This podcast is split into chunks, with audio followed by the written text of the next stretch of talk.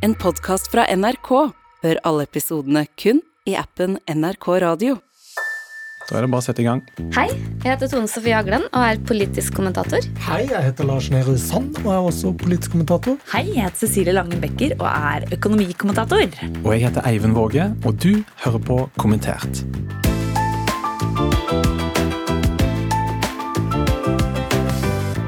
Hei og velkommen. Tusen takk. Første episode. Kommentert er altså en eh, ny podkast fra oss i NRK Nyheter.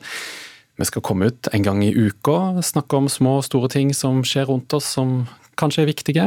Tre kommentatorer i et studio snakker om ukas store saker med en rapp programleder. Har NRK vært på innovasjonskurs? Det høres jo ut som et vinnerkonsept. Ja, ja, ja. Og det er vi som kommer etter Sofie Elise for å nå de unge, så hva kan gå galt? Hva tenker du om det, Lars Nehru Sand? At dette blir bra. Dette blir bra, og vi, vi har planlagt eh, to ting vi skal snakke om i dag. Blir det ny finanskrise? Banker kollapser jo eh, over en lav sko i USA, og her i Europa så har frykten for at det samme skal skje, spredd seg. Så hva er det egentlig som skjer nå, Cecilie, og hvordan merker vi dette her i Norge?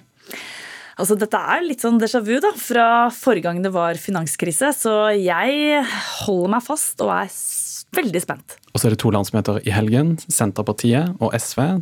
Endelig er landsmøtesesongen i gang. Ja. Vi gleder oss. Ja, Vårens vakreste eventyr. dere kaller det faktisk landsmøtesesongen. Ja, og det sier jo kanskje litt om eh, oss, jeg vet ikke. Bitte litt, men eh, vi skal snakke om det òg. Men det jeg gleder meg aller mest til, det er at dere to har lovt meg at dere skal prøve å forklare hvem som har det kuleste landsmøtet, og hvem som kanskje har det kjedeligste. Kan vi ikke begynne der? Og vi kan gjøre det. Jeg har egentlig laga et eh, landsmøtebarometer. Eh, vi kaller det jo landsmøtesesongen, for det, det, er, eh, det starter liksom nå, den helga her. Har to partier landsmøter, og så går det liksom slag i slag. Sånn er det hvert år. Og, og, landsmøtene er jo veldig viktig for et politisk parti, man vet politikk, bla, bla, bla. Men det er så mye mer! Og det har jeg liksom prøvd å formidle en liten en graf, om jeg kan kalle det det. Det ser ut som en matrise. Ja, jeg har faktisk sittet her og, og tegna mer eller mindre på en serviett. Fire ulike parametere som vi kan eh, legge et eh, landsmøte på. Og da har vi liksom gradert etter høy og lav. Det ene er på viktighet. Viktighet handler selvfølgelig om eh, hvem som styrer landet, og det er alltid det partiet som sitter med statsministeren, som per definisjon er viktigst. Arbeiderpartiet nå. Eh, men så har du liksom, du har noen flere elementer. Det andre jeg har kalt, er liksom det som kanskje avgjør litt spenninga, nemlig er det noen politiske stridssaker? Er det noen personkabaler som er viktige? Eh, Personstrid kanskje også? ja, Vi går jo aldri av veien for det. Og der, kan det se litt sånn eh, annerledes ut. Og så har jeg liksom to kategorier til. Jeg har en kategori jeg kaller fest og moro. Høres veldig overfladisk ut at jeg er opptatt av det, men det er faktisk utrolig viktig for identiteten til et parti. Og så har vi liksom den fjerde boksen som jeg har kalt en sånn slags X-faktor, som både kan handle om hvor eksotisk er dette landsmøtet, er det på et spennende sted? Så jeg tenkte egentlig, Lars, har, du har jo vært på enda flere landsmøter enn meg, at vi kanskje kan gå litt igjennom eh, partifloraen etter disse kategoriene. Altså, det var veldig søtt. Du satt og noterte disse ulike parametrene. Det det det er sånn Lars er. Men er, er det sånn at um, altså, Først og fremst eh, for et utrolig bra arbeid. Uh, dette, dette liker jeg veldig godt. Hvor lang tid brukte du på det her i går eh, kveld? Du, Jeg har tenkt på det her veldig lenge, faktisk, men akkurat utforminga av denne tabellen gikk veldig fort. Eh, og liksom, Det er jo den, liksom, den litt kjedelige kategorien, men også veldig eh, viktige kategorien viktighet, er jo litt sentralt. For, for meg og Lars er det jo litt sånn eh, Litt kiving om hvilke landsmøter vi skal få dra på. Og alle vil jo selvfølgelig på Arbeiderpartiet. Alle vil på Høyre, det er det største partiet. Og definitivt største partiet på målingene om dagen. Også Senterpartiet og SV er Men begge to partier. kan vel bare dra, eller? Vi er delt På oss. Ap skal begge to dra, Ja. så det er fint. Men eh, jeg bare tenkte, det som slo meg faktisk først etter denne nyttige gjennomgangen, det var eh, dest destinasjon-kategorien. Og der, der har vi en soleklar taper, og det er eh, flyplass, hotell eh, på Gardermoen.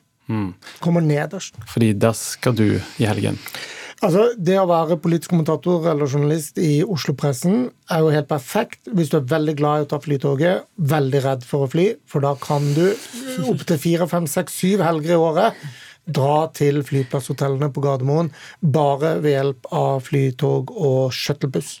Derfor har jeg egentlig trukket det eh, tyngste, lengste strået denne helga, for jeg skal nemlig på Senterpartiet, som er i Trondheim, hjerte, hjerte, Norges fineste by. Eh, men, eh, men, Lars, jeg vil jo si at på akkurat det med politiske stridssaker og personkabaler og sånn, der har du vært litt heldigere. For det, sjøl om SV er på det ikke så veldig sjarmerende flyplasshotellet på Gardermoen, så er det mye som skjer der.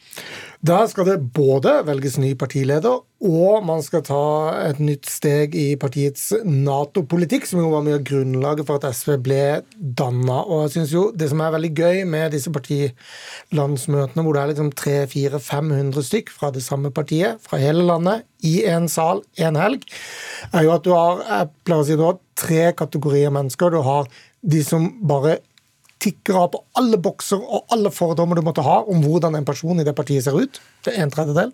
Så det er en tredjedel som er litt sånn Ja, det gir mening at du er med i dette partiet. Og så har du de som Er du med her? Eh, kategorien. Og alle tre kategoriene finnes i alle partier, og det er veldig flott. Men det fører meg egentlig over til min uh, kategorien fest og moro. For der skiller også Det er bra på KrF, tenker jeg. Nei, men der har jeg egentlig sagt eh, at KrF scorer veldig høyt på den fjerde boksen min, den X-faktor-boksen, med litt sånn eksotisk, for KrF-landsmøtene er veldig annerledes. Du har En eh, ting at det er alkoholfritt, det er ofte litt sart visesang. Det er veldig mange som snakker sånn som Lars og Eivind. Ja, mange fra Sørlandet og Vestlandet. Og det er, eh, det er, eh, det er ikke bønn akkurat, men det er sånn ord for dagen, og det skiller seg veldig ut. Det er koselig. Vi har en gudstjeneste underveis. Ja, bønn det er sånn ord for dagen før programmet. og Det har også vært, eh, altså det har vært en kulturrevolusjon i, i, KrF. To ting, egentlig. Det ene er at de ikke har det obligatorisk, men et tilbud før selve møtestart. Ikke inne i landsmøtesalen, tror jeg. Og sånn. Eh, og det andre er at eh, pressen har fått lov til å kjøpe alkohol. Det var også veldig Ikke omstridt, men det var, var diskusjon da de innførte Eneste måten de fikk pressen til å komme på? Det er det mange som har sagt. og det, går jo også, det er jo en liten sport på KrF-landsmøtet å se på hvem av KrF-delegatene som smugdrikker i baren. Så det er også et. Men fest og moro er jo også øh, Det handler ikke bare om å ha det moro, for det er ganske viktig for et parti sin identitet og kultur. Og det må være lov å si at høyresida er, er vinnerne der. De er morsommere. Eh, ja, Frp er jo veldig gøy. Sånn. Det er lange røykepauser, og det er veldig mye rett fra levra, og det er lett å føle seg hjemme der hvis man er fra bygda.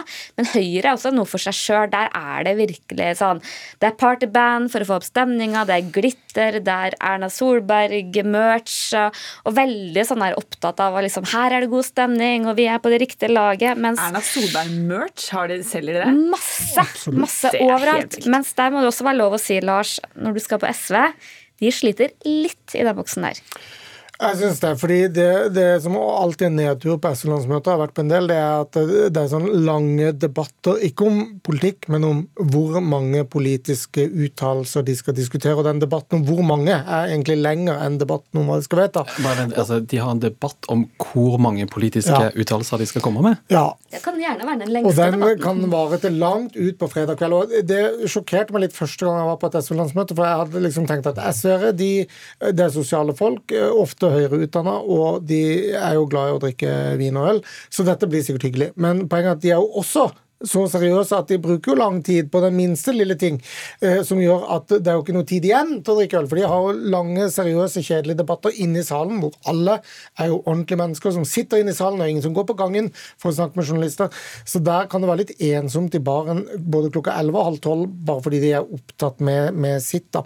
Men det som jeg syns er viktig med den fest og moro-kategorien uansett parti, det er at det er en helt fantastisk mulighet for oss som lever i i Oslo og rikspolitikkboblen i å huske på at dette er først og fremst en eh, jo ikke firmafest for hardt arbeidende hverdagspolitikere som gjør dette på fritida si, hvor det å komme til selv et flyplasshotell, eh, møte politikere de bare ser på TV, eh, som de har sett opp til, som de har drevet valgkamp for, det å se de stjernene i øynene når de ber om selfie, eller det å se at de unner seg denne festen, og skjønner plutselig, når du kommer fra Sykkylven SV, at det er noen i hele landet som jobber for det samme som deg, eh, og du sitter helt alene i kommunestyret, og det er faktisk plutselig 500 SV-ere rundt deg.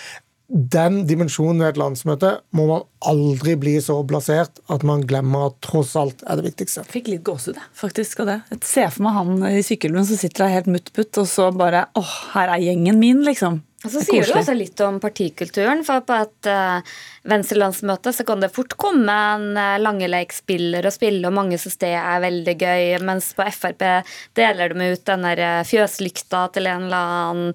Og ikke minst Senterpartiet, da, som er et av partiene som har landsmøte nå. Der er det veldig mye bunader, man danser gammeldans, det er alltid trøndernachspiel, og det er veldig mye som Altså, det er mye greier jeg ikke får se. Langeleik og fjøslykt. Ja, det lurte lurte jeg på. Langeleik er et uh, strengeinstrument, folkemusikk fra Valdres eller hvor det nå er fra, som eh, har en høy status i Venstre, hvor man gjerne kan eh, ha den type underholdning. Eh, mens uh, fjøslykt er altså, er Langeleik er et folkemusikkinstrument med høy status i Venstre. Hvorfor er ikke det en Det er større det, det, er sak? jeg. Distriktsvenstre var jo en gang veldig stort. Før, eh, før det ble et urbant parti med rusreform og ja. Eh, Nå avslører vi kanskje litt at jeg og Cecilie meg og deg har ikke vært på så mange landsmøter. Så kanskje noen bare, eh, bare raskt sier hva er det som er viktigst med et landsmøte? Er det det å meisle ut ny politikk, eller er det å få opp stemningen i partiet? Akkurat i år vil jeg si å få opp stemningen eh, før et eh, lokalvalg eh, og, og valgkamp. Eh, det er jo bare den våren før et stortingsvalg at de vedtar partiprogrammet, så da er, da er jo det politiske også veldig viktig. Eh, men sånn som i år, så er det noen velger ledere eller nestledere som kan være spennende, eh, og så er det disse uttalelsene som ikke er like sentrale nødvendigvis. Men det det jo også er for oss journalister, er jo en ting er det som vedtas inn i landsmøtesalen, men når eh, Tone Sofie skal til Senterpartiet, så kommer hun til å snakke med folk om strøm og eh, lakseskatt, uavhengig av hva Senterpartiet vedtar. Og bare det å ha så mange politikere og kunne snakke om, om politiske saker på ett brett, det er jo derfor pressen er der, ikke nødvendigvis for å notere ned ord for ord hva som blir sagt på talerstol. Eh, Cecilie, hvis du skulle valgt fritt da, fra dette barometeret, hva landsmøte hadde du hatt lyst til å gå på? Hmm, la meg tenke. Nei, jeg syns selvfølgelig det høres eh, morsomst ut med husband og god stemning og masse merch. For jeg er jo litt sånn, elsker sånn amerikansk stemning. Eh, Og det høres ut som Høyre har den mest amerikanske stemningen. Litt sånn eh, Litt sånn eh, fest og, fest og moro. Jeg elsker å kjøpe merch. Ja, og Senterpartiet dyrker jo liksom det litt motsatte. Der har de eh, gammeldans, eh, og alle er i bunad og veldig sånn Og det er noe for deg, norske er det du Ja, jeg vet ikke. Jeg syns personlig at uh, mange fra Oslo-pressen syns det er veldig eksotisk å komme på Senterpartiet. Nettopp derfor. Så vi som er fra bygda, er jo kanskje litt mer vant til at en trønder-nachspiel er kanskje ikke så eksotisk når du har er vant til det. SV skal velge ny nestleder. Hvem blir det? De fleste tror det blir Lars Haltbrekken, men Marian Hussein fra Oslo er også en veldig sterk kandidat. Og jeg tror mange sier at det er vanskelig å telle, eh, fordi det er såpass mange uavklarte i hver, hver delegasjon. Eh, Men selv Oslo-delegasjonen, som jo burde støtta helhjertet opp om eh, Hussein, har, har eh, en del som stemmer på Haltbrekken, f.eks. Så det er mest sannsynlig at det blir han. Dette føles som et eh, fint sted å si lykke til i helga, begge to. God tur til deg, Tone Sofie, og til deg, Lars, som skal til, ta flytoget ut til SV. Gleder meg til å følge med. Cecilie. Ja. Flere amerikanske banker har gått konkurs. Det går skikkelig dårlig med en sveitsisk storbank. Børsene går ned, oljeprisen synker. Hva er det som skjer? Det har vært en eh, veldig sånn innholdsrik uke, kan man si. Og jeg som eh, levde og jobbet under finanskrisen da den smalt i 2008, da satt jeg på desken hos eh, DN.no og var sjef for finansredaksjonen der. Så det liksom lukter og smaker og minner litt om den gangen. Og gjennom helgen da, som var, så var det jo masse liksom, bilder av den amerikanske finansministeren Janet Yellen, som vi jo ikke hadde sett noe til på Jeg hadde i hvert fall ikke sett henne på nesten årevis. Hun var plutselig på skjermen og beroliget at nå er det Dette går kjempebra. Og da blir man jo litt sånn stressa sånn Oi, det er, det er såpass, ja. Her er, her, er, her er hun også på ballen. Så mm, man er jo redd for at det er en ny finanskrise under oppseiling. Eh, Og så er det korte svaret er det er altfor tidlig å si om det er det eller ikke. Men de fleste tror ikke at det er det. Forklar for oss hva er det som faktisk har skjedd med disse amerikanske bankene. Altså det, det, hovedfokuset har vært på dette, denne Silicon Valley Bank i USA, som er en sånn liten nisjebank eh, som har vokst seg stor på tech-sektoren, altså på sånne startups i tech-sektoren. De, det er en sånn bransje som har hatt masse penger inn, for det har vært kjempelave renter. Folk har bare kastet penger etter disse selskapene, eh, og de da må putte alle disse pengene et eller annet sted. Så de putter de på konto da i denne Silicon Valley Bank, som har vært en sånn bank for denne bransjen. Og en bank, når de får masse penger inn på konto, det er ikke sånn at de bare Å ja, da, da står de der. Da, da, må de putte det et eller annet sted. Eh, og da har de, de da kjøpt eh, amerikansk statsgjeld, som er et kjempesikkert sted å putte pengene. Eh, men så begynte jo rentene å stige, da. Borte i USA. Det har de gjort her også, for så vidt. Da var det ikke så lett å få tak i penger i tech-sektoren allikevel. Det ble litt sånn oppsigelser. Sånne prosjekter som folk kastet pengene etter, de ja, var ikke så populære allikevel. Og hva skjer da? Da trenger man egentlig å ta ut litt cash. ikke sant? Disse selskapene trenger å, trenger å få ut pengene igjen. Men Silicon Valley har jo ikke akkurat disse pengene stående på den der eh, brukskontoen på siden. De har jo da allerede plassert ut disse pengene og bundet de opp. Og da må de selge hele denne plasseringen av penger på én gang. Tape to milliarder dollar på det. Og så begynner liksom ballen å rulle litt. Har de penger, har de ikke penger? Og da skal alle kundene plutselig ta ut pengene sine derfra, for de er kjemperedd for hva skjer hvis denne banken konker. Er det litt sånn som jeg husker bildet fra læreboka på skolen, at folk kommer med sånn trillebårer med penger? Ja, det er, bortsett fra at nå er det litt, sånn, litt mer digitalt. Da. De er både fysisk for å overføre det digitalt, og så er det jo da snakk om disse amerikanske skistedene i helgen. Da satt jo liksom hele tech-sektoren og hele startup og Silicon Valley folka satt med mobiltelefonen og liksom desperat prøvde å liksom pushe penger ut av, disse, av ulike banker da, for å få liksom tilgang. Sånn at det er, det er, det er trillebåren, men den er, er digital. Nei, ikke Tesla. Den er digital. Ja, den er digital. Ja. Men jeg skjønner ikke. Du, du, sier at banken er ikke så stor, det er noen tech-startup-greier, folk med masse penger som sitter på et skisenter. Hvorfor blir det så stort? Det er fordi denne banken her lå rett under en sånn grense i størrelse eh, for, å, for, å, få litt sånn ekstra oppfølging og følge litt ekstra regler fra amerikanske myndigheter. Og, de har jo vært med å lobbe for dette her, at de skal få litt sånn, litt sånn ok reguleringer. Og hvis denne banken har trøbbel, ja, er det flere banker som har trøbbel? Er det flere banker som har gjort det samme? Og da får du litt sånn panikk. sånn at det var jo flere, det, Dette har jo skjedd flere banker at man prøver da å ta ut pengene sine. Og hvis liksom alle prøver å ta ut pengene sine, og hvis dette bare sprer seg, da blir det jo full kollaps. Og det var da amerikanske myndigheter til slutt, da, søndag kveld, måtte liksom respondere ordentlig, eller sånn natt til mandag, og si at ok, alle innskudd i alle amerikanske banker er trygge. Vanligvis så er det bare innskudd opp til 250 000 dollar. Nå la de det til side. De er så redd for en systemkrise, de er så redd for en ny finanskrise Men, at de gjorde det. Virker ikke det litt mot sin hensikt? Altså, jeg, får, jeg, får, litt sånn bilde av at flykapteinen sier at nå går det bra, og så tenker jeg at frem til det har alle tenkt at det går bra, og så plutselig, plutselig ja, og... så må han på en måte si noe som burde vært helt innlysende. Er ikke det farlig i seg selv? Jo, og det, og det, tenkte jeg også. Frem til de faktisk la hard, harde penger på bordet da, eh, og sa at vi garanterer for alle innskudd i alle amerikanske banker. Og, treng, og hvis, hvis, hvis, du tenker sånn ok, jeg har, eh, fem millioner dollar på konto, men de er trygge, ja ok, men da kan de bare stå der. Da går det bra. Hvor mye er egentlig psykologi? Er det liksom som i boligmarkedet at det er mye eh, psykologisk, eller er det liksom noe mm. grunnleggende galt? Ja, det lurer jeg òg på når jeg hører at Lars tar ut sine penger, og så hører jeg at Tone Sofie tar ut sine penger, og så, og så hører jeg at Eivind tar ut sine penger, så blir jeg sånn ah, ok, ja, det, er, det, er, sikkert en god idé. Disse snakker jo sammen. Dette sprer seg jo. Det er psykologi.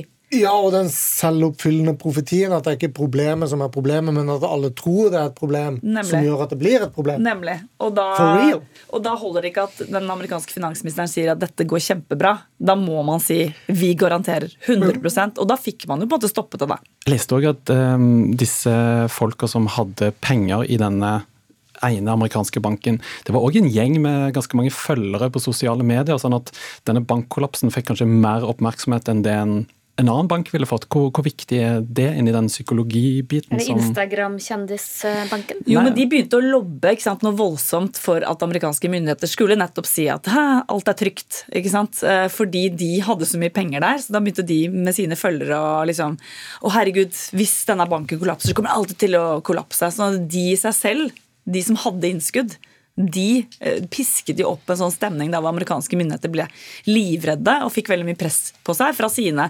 senatorer og liksom disse som er plassert rundt omkring i USA. Så de, de bidro jo til å forsterke krisen og eh, la jo mye, liksom, i potten der da, og gamblet på at dette vil føre til at amerikanske myndigheter vil komme på banen. Hvis de ikke hadde gjort det, så hadde det vært et eh, høyt spill, og de kunne tatt masse penger. Mm, men din beskjed til oss er vi kan sitte stille i vår norske båt og se på at en sveitsisk storbank og andre amerikanske banker går i dass. Ja, også Den, den sveitsiske storbanken, Credit Suisse, eh, det, er jo ikke første gang det er trøbbel her. Det er jo en sånn helt sånn vanvittig rekke av eh, kjipe ting som har skjedd for den banken helt siden 2021. Med, med lekkasje av dokumenter og ulovligheter og en bulgarsk kokainmafia. Det er liksom ikke måte på. Vent litt, bulgarsk kokainmafia? Ja, de har jo da, Swiss har jo da faktisk blitt dømt for å da eh, bidra til å hjelpe en bulgarsk kokainmafia med, med å hvitvaske pengene. Eh, og de har fått bot, og så har de anket, da. Men det er jo liksom bare én av mange ting. De har bindinger til Russland og ba hedgefond og andre investorer brenne papirene sine som knyttet russiske oligarker til lån. Altså, det, er veld, det er liksom en helt sånn smørbrødliste av ting eh, som gjør at de i utgangspunktet var i trøbbel. Bra vi fikk litt kokain inn i podkasten. Det jeg satt og lurte på, da, var fordi Det som er en forskjell fra 2008 til nå, hvis jeg skal prøve meg som økonomikommentator, gjør det, gjør det. er at Det er en ganske lett jobb, skjønner Nei, det tror jeg ikke. så Det er derfor jeg må spørre. Fordi er det sånn at det er jo litt mindre tillit i verdensmarkedet, og verdenshandelen er litt mer i ubalanse nå enn den var i 2008. Eh, og det handler ikke om bankenes direkte soliditet å gjøre, men kan det i seg selv bidra til at igjen da, at det er ting utenfor det egentlige problemet som bidrar til at et problem blir større enn det er. Ja, og det, det, er mange som sier nå denne uken her at uh, man, man, le, man er egentlig bare lett Ja, godkjent spørsmål. Og det er litt at markedene leter på en måte etter et problem som de eh, som de på en måte kan selge på. og Det høres jo liksom litt rart ut, men er, man, man, man, er så redd for at et eller annet skal skje. Og det handler også om at rentene har steget voldsomt sant, det siste året. Og dette er vi ikke vant til. Ting skjer så fort. og sånn, at man, man, sitter litt sånn på kanten av stolen og bare ok, ja, da, selger jeg alt. Man, man, bare, man venter bare på et klarsignal og ser etter problemer. Og så blir de selvforsterkende også fordi den digitale alderen gjør at veldig mye skjer automatisk i markedet. Du ser litt sånn betenkt ut. Uh, jeg tenker bare at jeg savner den gullboka som jeg hadde i Postbanken som barn. Postsparebankboken? Ja. ja, den hadde vi alle Først sammen. Først var den rød, så ble den gull. Jeg ja, ikke, er det for meg. Nei, det er, det er, en litt annen generasjon som holdt på sånn. Det var en bok. Ja, da stempla de inn i boka hvor mye penger du hadde på konto. Mm, de, skrev for, de skrev for hånd uttak og innskudd. Hadde du også noen sparebøsse i rør med tilpasset de ulike myntenes størrelse? Ja, da, det, det hadde vi også. Ok, Så en, en analog eh, nettbank? Det er en analog nettbank. Det var akkurat det. Og det var, og det var da det var postkontoret på hvert et nes i Norge. Jeg skal bare si nå, jeg glemte det nesten ut, men um, hvis du som hører på har et forslag til oss her i Kommentert, til et uh, tema vi kan snakke om, eller kanskje du har et spesifikt spørsmål til en av kommentatorene, eller til alle tre, så send det veldig gjerne til oss. Vi blir superglade hvis du bruker mailadressen kommentert at nrk.no. Og Siden dette er første episode, så har vi jo ingen ekte lyttere som har sendt inn spørsmål, men jeg har juksa litt, fordi jeg møtte en eh, fin fyr i et sånt nabobygg lengre borte i NRK her, og eh, tvang han til å sende inn et spørsmål som han lurte på. Så hør på dette. Hei sann, mitt navn er Martin. Jeg er 26 år gammel, og jeg lurer på Akkurat nå så føles det litt ut som verdensøkonomien er i ubalanse. Er det noen grunn til at jeg må være redd for pengene jeg har i banken? Og eventuelt pengene har i fond? Da er svaret det er ingen grunn til å være redd for de pengene du har i banken, gitt at du har det i en norsk bank da, og ikke en eller annen obskur bank i et annet land. Jeg regner med at det er en norsk bank du har pengene i. Da har du ingen grunn til å være redd. Ehm, når det gjelder aksjemarkedet, så er det jo litt sånn Hvis du trenger de pengene du har i aksjemarkedet de nærmeste årene, ett, to, tre år, så er det kanskje alltid lurere å ha de tilgjengelig, eh, sånn at du har pengene når du trenger dem. Eh, men de fleste av oss bør jo spare på litt lengre sikt. 10-20 eh, år. Eh, og da kan man da la de stå, fordi man forventer at markedet skal gå opp og ned. Men over tid så skal den fondsinvesteringen din være mer verdt hvis du har en lang horisont. da. Det var et så kjedelig svar, men, men ja. Jeg synes det var klokt sagt. Jeg. Ja. Martin, du trenger ikke å stresse. Bare la pengene stå i banken og i fondene dine. Hvis du ikke trenger dem, da, hvis du trenger dem neste uke, så er det kanskje lurt å begynne å forberede deg. Ja, Og hvis du ikke har det i Silicon Valley Bank. Nemlig. Vi har en spalte. Er dere klar for den? Ja! Dette er det morsomste gjennom hele uken, å finne den derre Ja, jeg skal forklare litt. Den, eh, vi har kalt den eh, ukas eh, forbigåelse. Det betyr at eh, dere nevner en sak som dere mener fortjener mer oppmerksomhet, eller som kanskje har gått litt på sida av nyhetsbildet som dere har plukket opp i den rare verden dere jobber i. Så jeg vet ikke hvem som vil begynne. Har du lyst, Lars? Gjerne. Vi skal til Vi må til Kristiansand. Men jeg synes det, er en, en nasjonal sak, egentlig, da. Fordi Vidar Kleppe ble ekskludert fra Fremskrittspartiet i 2001. Året etterpå dannet han partiet Demokratene. Han er nå ekskludert eller kasta ut av partiet, som senere har bytta navn til Norgesdemokratene, av Geir Ugland Jacobsen, som i 2021 ble ekskludert fra Frp. Mye, Det er litt gøy. Ja, mange som har blitt kasta ut her. Altså, Vidar Kleppe lager et parti, det bytter navn, det kommer inn en Og Vidar Kleppe ble i sin tid ekskludert fra Frp. Ja. Ja, Ok, så ja. Det er mye ekskludering her. ja. eh, hvorfor snakker vi ikke mer om dette? Nei, jeg syns det er rart, fordi um, det handler også om grunnen til at Vidar Kleppe ble ekskludert. Han har sagt noe så i demokratenes øyne forferdelig som at eh, Putin bør straffes, og at Norge bør sende våpen til Ukraina. Ja. Mens dette høyrekonservative eh, demokratene mener at det er eh, ikke partiets politikk. Og det som er litt gøy, er Grunnen til at Geir Ugland Jacobsen ble ekskludert fra Fremskrittspartiet, var fordi han prøvde å ta Frp, og Oslo Frp spesielt, i en nasjonalkonservativ retning. Det fikk han åpenbart lov til i Norgesdemokratene, men da skjedde det på Vidar Kleppes bekostning, plutselig. Eh, og så føyer dette seg inn i et litt, og det er det jeg synes er eh, litt rikspolitisk gøy når vi er i et lokalvalgår, da, det er at eh, den elskverdige eh, regionalavisen Federlandsvennen i Kristiansand har klart, i motsetning til noen andre, å holde styr på kristiansandspolitikken. Fordi Kristiansand og Bergen har et veldig obskurt norgesmesterskap i å ha den mest kaotiske eh, lokalpolitiske situasjonen.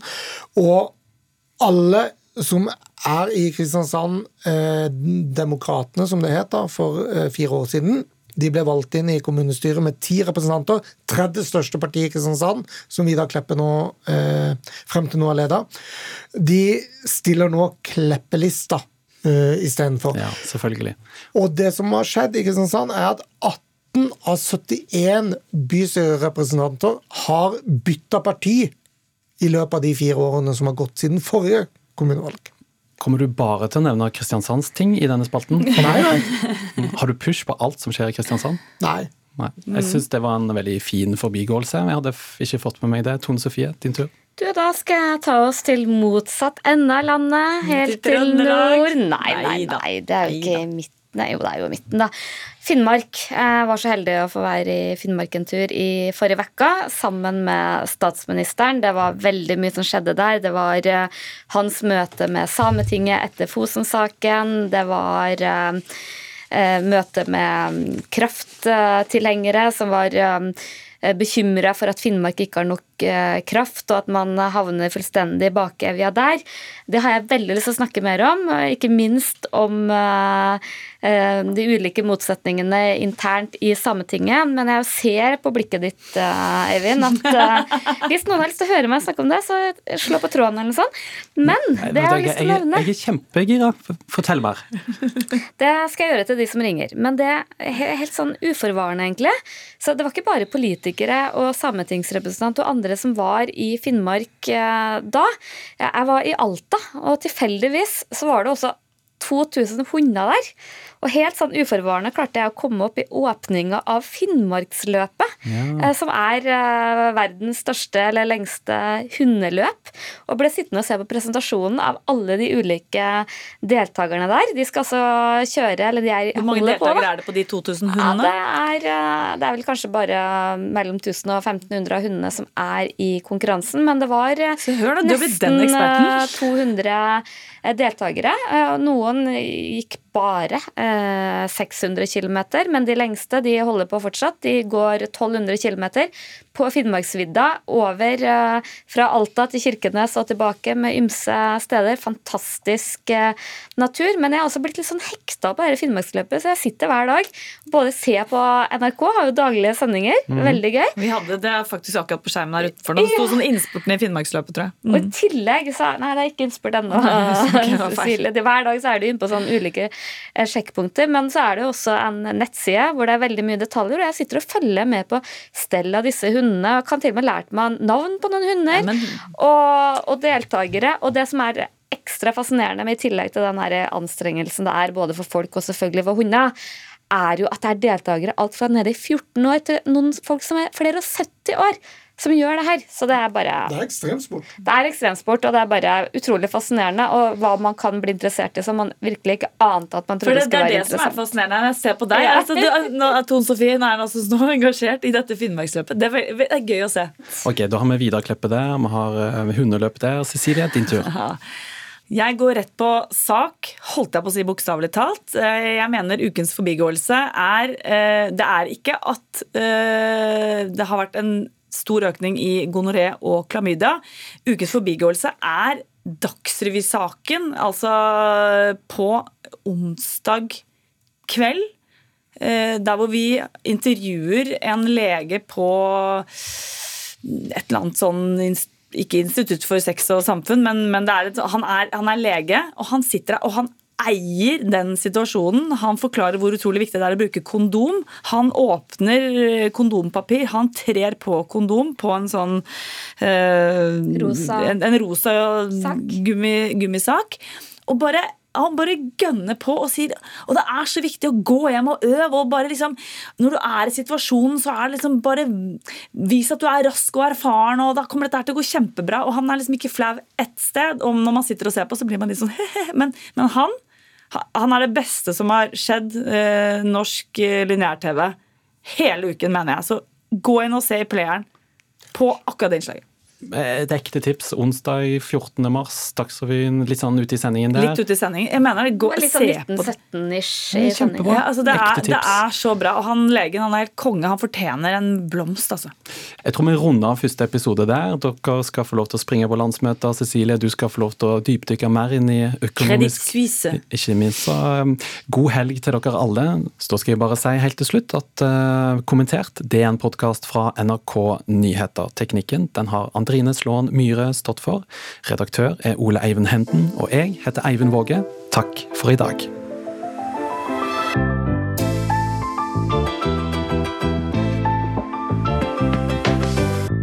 Du har hørt en podkast fra NRK. Hør alle episodene kun i appen NRK Radio.